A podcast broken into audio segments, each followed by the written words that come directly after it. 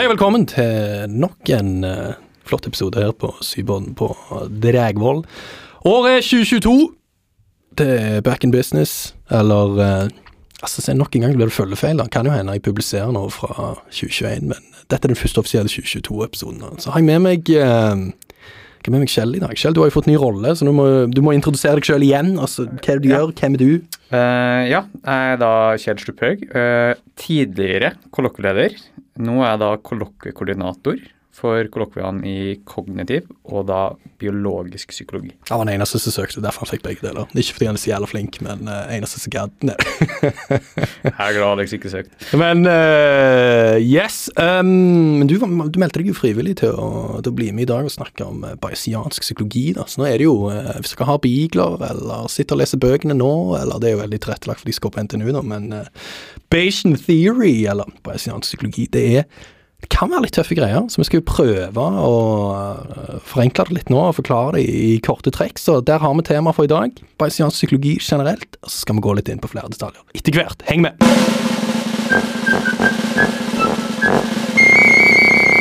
Yes, da øh, er det jo egentlig bare å hoppe i det. En annen ting som det går an å si da, øh, som jeg kom på, det er jo eh, at dette her er jo potensielle perspektiver som går an å bli brukt for uh, førsteklassestudenter i et basale emner òg, eventuelt. Så jeg vet ikke. Det Ja. kan vel stemme? Ja, det kan nok stemme. Ja, så da er det jo egentlig bare å hoppe i det. Så Kjell, hva er bayesiansk psykologi for noe? Ja, eh, Hvis vi tar det veldig lett eh, først, da, så er bayesiansk psykologi psykologi, og da psykologiteorier, som tar utgangspunkt i at psykologiske fenomen kan forklares ut ifra sannsynlighetsberegninger, og da mer spesifikt sannsynlighetsberegninger som bruker based theorem som utgangspunktet. Yes, men uh, nå, nå hiver du inn enda et sånt. Se, det har gått to sekunder, så er vi allerede i gang med begreper. Men base theorem, hva, hva er det for noe? da? Nå, nå begynner det å ligne litt. Jeg har hatt p-matte sjøl, så nå, nå begynner det å slutte, nå begynner kortslutte her oppe. Ja, Men hva er det for noe? Uh, ja, uh, base theorem, det er, som du nevner matte, det er en, da en matematisk formel. Nei, skru av. Men ja, ok. Formel. eh, som vi bruker til å utføre sannsynlighetsberegninger. Eh, og litt mer spesifikt så er det en sånn formel som eh, kombinerer det vi kaller for prior, eller base rate sannsynlighet, med evidens, som gir oss en sånn posterior sannsynlighet. Big words. Ja, her var det mye big words. Evidens, prior skylling, eller prior og posterior. Hva, hva er dette for noe? Ja, um, jeg, jeg tror at akkurat det du snakker om her nå, er grunner til at base room er vanskelig å forstå. Uh, I hvert fall en del av det. Eh, og litt forenkla så er det det at man kombinerer en sånn generell sannsynlighet med en mer spesifikk situasjon. Og da får man en justert og da en mer nøyaktig sannsynlighetsberegning enn hvis man kun hadde brukt den generelle eller kun den spesifikke situasjonen alene. da. Ok, så det er kanskje litt mer forståelig, men kan du komme med eh, Altså, vi trenger et konkret eksempel, tror jeg. Eh, ja, altså jeg kan komme med et eh, litt sånn klassisk eksempel. Um, så jeg presenterer nå en person til deg. Uh, personen her, han heter Jonas. Hei, Jonas. Ja. Han er en intellektuell fyr som er innadvendt, han er forsiktig, og så liker han å lese bøker. Uh, han kler seg som regel i ganske pene klær og bruker briller. Um, og altså, nå får du to valg. Altså, du skal liksom gjette. Uh, okay, han er ja. enten eller. Enten så er Jonas en bussjåfør, eller så er han en bibliotekar. Altså, da er spørsmålet mitt til deg, Alex. Hva tror du er mest sannsynlig? Er det mest sannsynlig at Jonas er en bibliotekar, eller at han er en bussjåfør?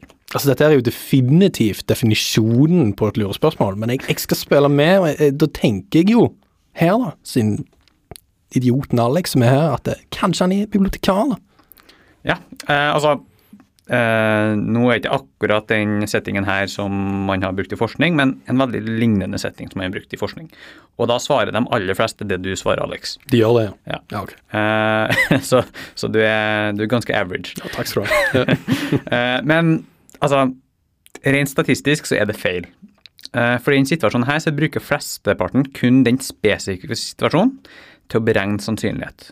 Og de kombinerer ikke det med den generelle sannsynligheten i tillegg. Ok, så her nevner du spesifikk situasjon og det generelle i tillegg. Hva mener du med det? Så kan jeg forklare dette. Først, den spesifikke situasjonen, eller sannsynligheten i dette tilfellet, er liksom den isolerte sannsynligheten um, for at en bussjåfør ligner på Jonas, og sannsynligheten for at en bibliotekar ligner på Jonas, eller motsatt, altså Jonas ligner på en bibliotekar eller en bussjåfør.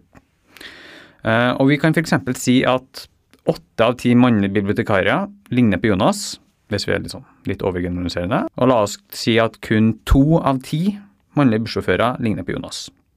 Og altså, Hvis vi kun tar utgangspunkt i dette her, altså den spesifikke situasjonen, eller den spesifikke sannsynligheten, så er det ganske rett å si at Jonas mest sannsynligvis er bibliotekar. Altså svaret til deg, Alex. Det er jo ikke helt bak mål, nei, så da går jeg ut fra at uh, Men det kommer en liten twist, kanskje? Ja, ja ok. Det, det, gjør nok det. Altså, hvis dere husker tilbake til min introdusert base theorem, så har man lyst til å kombinere det spesifikke med en slags generell sannsynlighet. Ok, men hva er da den generelle sannsynligheten her, da? Ja, altså I det tilfellet her så vil den generelle sannsynligheten være antall mannlige bibliotekarer og antall mannlige bussjåfører i Norge. Altså hva er forholdet mellom dem. Um, og Hvis vi gjør da et ganske grovt estimat, så kan vi si at det er pluss-minus 13 000 mannlige bussjåfører i Norge og rundt 600 mannlige bibliotekarer. Der er sånn tall som jeg har funnet ganske kjapt, så det kan godt hende at det er litt feil. Vi spiller med, ja. ja. Um, så før vi vet noe som helst om hvordan Jonas er som person, så er det en mye større sannsynlighet for at Jonas er en bussjåfør enn at en bibliotekar. Altså 13 000 versus 600. Um, og ja, enda mer spesifikt så er det sånn ca. 95% sannsynlighet for at Jonas er en uh, bussjåfør, og kun en 5% sannsynlighet for at han er bibliotekar. Men dette, den, uh, dette, blir jo kun den generelle sannsynligheten, da? Ja. Ok. Så hvordan kombinerer du dette her da med den spesifikke sannsynligheten? Eller um, spesifikke ja. situasjonen? Ja. Altså, eh, veldig lett, og da er jeg i podrommet med hermetegn. jeg har gjort det tre ganger allerede, men ja, nå er det herme, skal, skal, skal vi ha en kode for når du har hermetegn? Jeg skal si hermetegn når du har hermetegn. Så veldig lett! Hermetegn. Fortsett. Eh, så ganger du bare de to sannsynligheten sammen. Å, spennende. Ja. Altså, hvis vi går bak den tallene vi ga i den spesifikke situasjonen, så kan vi si at åtte av ti mannlige bibliotekarer ligner Jonas. Eh, og hvis vi ganger denne sannsynligheten eller oddsen, sammen med de 600 mannlige bibliotekarene, får vi at 480 bibliotekarer passer beskrivelsen til Jonas. Så altså i Norge 480 bibliotekarer som Jonas er spot on. Spot on, faktisk. Helt. ja, right. Eh, og hvis vi gjør det samme med bussjåfører, så kan vi si at eh, to av ti bussjåfører eh, ligner på Jonas. Da finner vi at det er 2600 bussjåfører i Norge som passer beskrivelsen til Jonas. Eh, og hvis vi da tar de to nye tallene her, så kan vi regne ut, at, vi regne ut en kombinert sannsynlighet. Vi tar da bare 480 delt på det totale antallet bussjåfører og bibliotekarer som passer beskrivelsen til Jonas. Altså det her er sånn som man deler på sannsynlighet. Uh, og det ble da 480 delt på 3080. Dette gir oss en 16% sannsynlighet for at Jonas er en bibliotekar, og en 84 sannsynlighet for at det er en bussjåfør. Og Det er derfor langt mer sannsynlig at Jonas er en bussjåfør enn at han er en bibliotekar. Spenstig. Nå tror jeg jeg henger med her, men uh, altså, du nevnte noen uh, skal vi si, Du nevnte noen snedige ord inni der, noen kompliserte ord i starten. Så hvordan, hvordan passer det inn her, da? Altså alt satt sammen? Mm, ja, altså Den generelle sannsynligheten, det er det vi kaller for en prior. Uh, og altså det er sannsynligheten prior, altså før vi ser på en spesifikk situasjon. Så før vi kikker på hvordan Jonas er som en person, så regner vi ut en generell sannsynlighet for hvor sannsynlig det er at Jonas er bussjåfør eller bibliotekar. Og den spesifikke situasjonen er det vi kaller for evidensen. Altså hva er beviset vi tar utgangspunkt i for å bedømme om Jonas er en bibliotekar eller en bussjåfør. Og i dette tilfellet var det hvordan Jonas er som person. Sant? Vi antar at personligheten hans har en sammenheng med hva han jobber med. Uh, og den kombinerte sannsynligheten av dette her, det er det vi kaller for posterior. Og det er den sannsynligheten vi får etter vi har kombinert prior og evidens. Altså sånn alt dette her, hvis de har engelsk uh, pensum, så er det liksom Det er jo bare prior, da. Posterior, Posterior, egentlig, så det Ja. Uh, men dette er jo snedige greier. Så hva har dette med psykologi å gjøre? da? Jeg, tenker, jeg ser for meg hvordan det har med det, men hva sier du selv? Hva har det med psykologi å gjøre, dette? Uh, ja, altså Vi skal jo komme inn litt på det her etterpå. Uh, men kort sagt så kan en del psykologiske prosesser forklares ut ifra Bayes theorem, eller det vi da kaller for bayesianske inferenser. Uh, og dem finner vi ofte da i persepsjon. Som har blitt nevnt en del, dette med bayesianske inferenser. Husker jeg fra min tid iallfall, ja. var i pensum i kognitiv. Så har du en liten fun fact om uh, bayesiansk teori, da, for å avslutte? Uh, ja, altså Kanskje ikke for å avslutte, men for å ja, ja. Hei, for, for, for, for lytterne til å henge med. Har du en fun fact her, Kjell? Ja, det er ikke bare studenter som sliter med å forstå based theorem, men og amerikanske presidenter. Jeg angrer allerede, men forklar. Yes! Um, ja, altså Jeg vet ikke om noen husker dette her, da, men i starten av pandemien, eller rettere sagt i oktober 2020, um, så fikk uh, Trump enormt mye kritikk for å si at vi måtte, ikke måtte teste for mange personer, og da spesielt personer uten symptomer på covid-19. Uh, og så sa han noen andre ting uh, attåt dette her som uh, ikke stemte. Uh, men altså, akkurat en spesifikk ting han sa, det stemte. Og når han ble spurt om å begrunne det her, og liksom forklare hvorfor, hvorfor er det sånn som det her, hvorfor skal ikke vi teste personer uten symptomer, uh, da hadde han ikke sjanse til å forklare hvorfor. Så du, han hadde, du, du, mener at han hadde poeng her, altså? Så det her må du utdype. Hvorfor klarte han ikke dette? Uh, ja, det som... Utenom de åpenbare grunnene, men hvorfor klarte, klarte han ikke å forklare dette? ja, uh...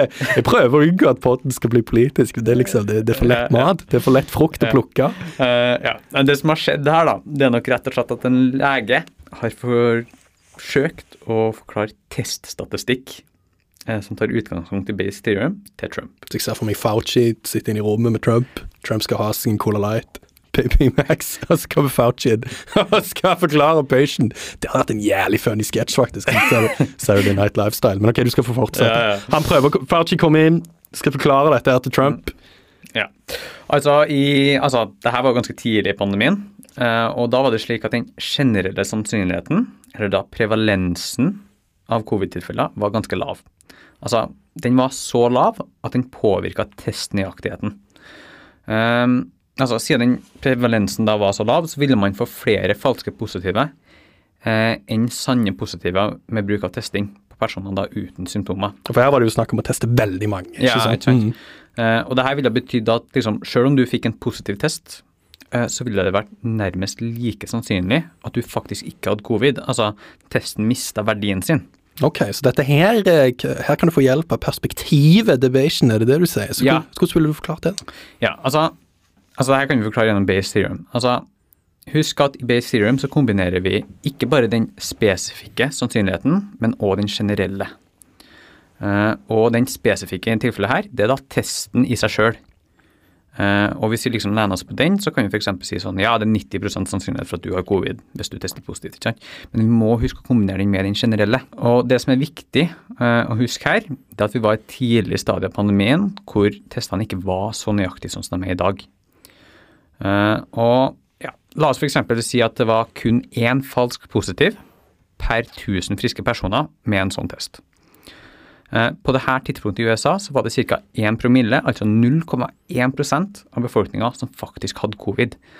Eh, og det her betyr da at altså, hvis vi, altså, vi diagnostiserer alle som har covid riktig, hvis vi bare antar det, eh, så vil det bety at for hver sanne positive som vi har, altså en, du får tilbake en positiv test, og så har du faktisk covid, så ville det òg vært ca. én falsk positiv. Så liksom Så pers, altså for én person er positiv, og du har hatt én falsk positiv? Ja, ikke sant? Ai, ai, ai. Det begynner å bli litt inflasjon i tallene nå etter hvert. Ja, ikke sant. Og det her er jo, altså, det her er jo ganske sjukt. Så hvis du da får tilbake en positiv covid-test, så ja, OK, det er 50 sannsynlighet for at du har covid. Uh, og dette her er jo sånn et kjempegodt eksempel på at man ikke kun kan kikke på den spesifikke evidensen. ikke sant? For at uh, måten man måler litt sånn testnøyaktighet uh, på, så bruker man gjerne å si at testen er f.eks. 99% sensitiv og 99 uh, spesifisitet, som mm. liksom er et slags sånn nøyaktighetsmål på tester. Uh, og man må ikke kun lene seg på dem, man må også kikke på den generelle. Mm. Så den spesifikke situasjonen blir òg kontekstavhengig, da? Ja. Uh, så ja. Ja, veldig kult. Så hvordan tar man dette i betraktning? Hvordan gjør man det i Norge, da? Eh, ja. Um, altså I Norge så valgte vi å ta høyde for det her. da, så um, Det vi gjorde, da, at vi valgte kun å teste den som hadde nærkontakter eller symptomer. Uh, og så I tillegg uh, så valgte vi å teste positive prøver en ekstra gang. Nemlig fordi vi ville kontrollere for en økt mengde falske positive. ikke sant? Sånn at eh, La oss si at det er 50 sannsynlighet for at eh, du har en eh, at altså, du har en falsk positiv. Mhm. Da tenker jeg ok, men jeg tester en gang til. Og da eh, blir plutselig Altså, da får man en ny generell sannsynlighet. Da er den nye prioren 50% ikke sant? For at nå kikker vi på kun befolkninga som har tatt tester. Mhm. Vi tar og tester den på nytt. Og der er 50% som har, og 50% som ikke har. Nå er vi ennå tidlig i pandemien. Ja, ja, tidlig i sant? pandemien. Jeg begynner nesten med å hive inn sånn der covid-warning. Ja, ja, ja. Får ikke lyst til å ende opp som Rogan og bli Ja. kicka ut av Ja, ja. Kanskje du kicka ut av Spotify. Jeg tror vi overhodet ikke like radikale foreløpig, men du skal få fortsette å forklare. Ja, altså Man får på en måte en ny generell sannsynlighet basert på at man har gjort den testen en gang. da. Eh, og da får man ikke sannsynligheten 0,1% men da får man sannsynligheten 50% Og da blir testene plutselig veldig mye mer nøyaktig. Ja. Um, ja, Vil du legge til noe mer på det, eller var det ok? Um, ja, det er jo kanskje verdt å nevne at eh, en av grunnene til at vi testa to ganger i Norge, da, eh, er jo det at vi hadde enda lavere smittetall enn i USA. Så altså, priorsannsynligheten vår var enda dårligere der. Ja. Herlig. Uh, jeg tenker vi sparer resten til en del to, jeg. Uh, men så foreløpig, så det jeg tar litt ut av dette, er at dette, dette her er Det er kanskje litt feil å kalle det bayesiansk uh, psykologi, egentlig. Så egentlig så er det mer kanskje Kanskje bedre å kalle det bayesiansk teori. Sånn for dere. Nå, nå sier vi jo bayesiansk psykologi fordi at dere kommer til å lese det med psykologi i mente. da. Kognisjon og persepsjon, men dette her kan du jo bruke overalt. Ja, så kan jeg spørre deg da, Alex, du som er litt høyere oppe i studieløpet. Har du kommet borti bayesiansk psykologi noen andre plasser enn kognitiv psykologi? Nei, eller bayesiansk teori? Ja, det ble, det ble fletta inn i et av de der læringspsykologifagene vi hadde på master. Men det var bigler der òg, da. Så, det, så han, han tok det et steg høyere enn han hadde på kognitiv eiendom, eller merke, tror jeg. Men, eh, så det, det dukker opp, Ja. og vi hadde vel en i statistikk som òg begynte å snakke om bayesianske modelleringer òg. Eksempel at du kan jo ha eh, Dere ser kanskje det hvis dere leker dere litt på SPSS, så finnes det faktisk en liten, en liten knot for bayesianske modelleringer så dere går an å trykke på går an å bruke. Så der òg har jeg vært sånn touch innom det, men ikke like nøyaktig. Da.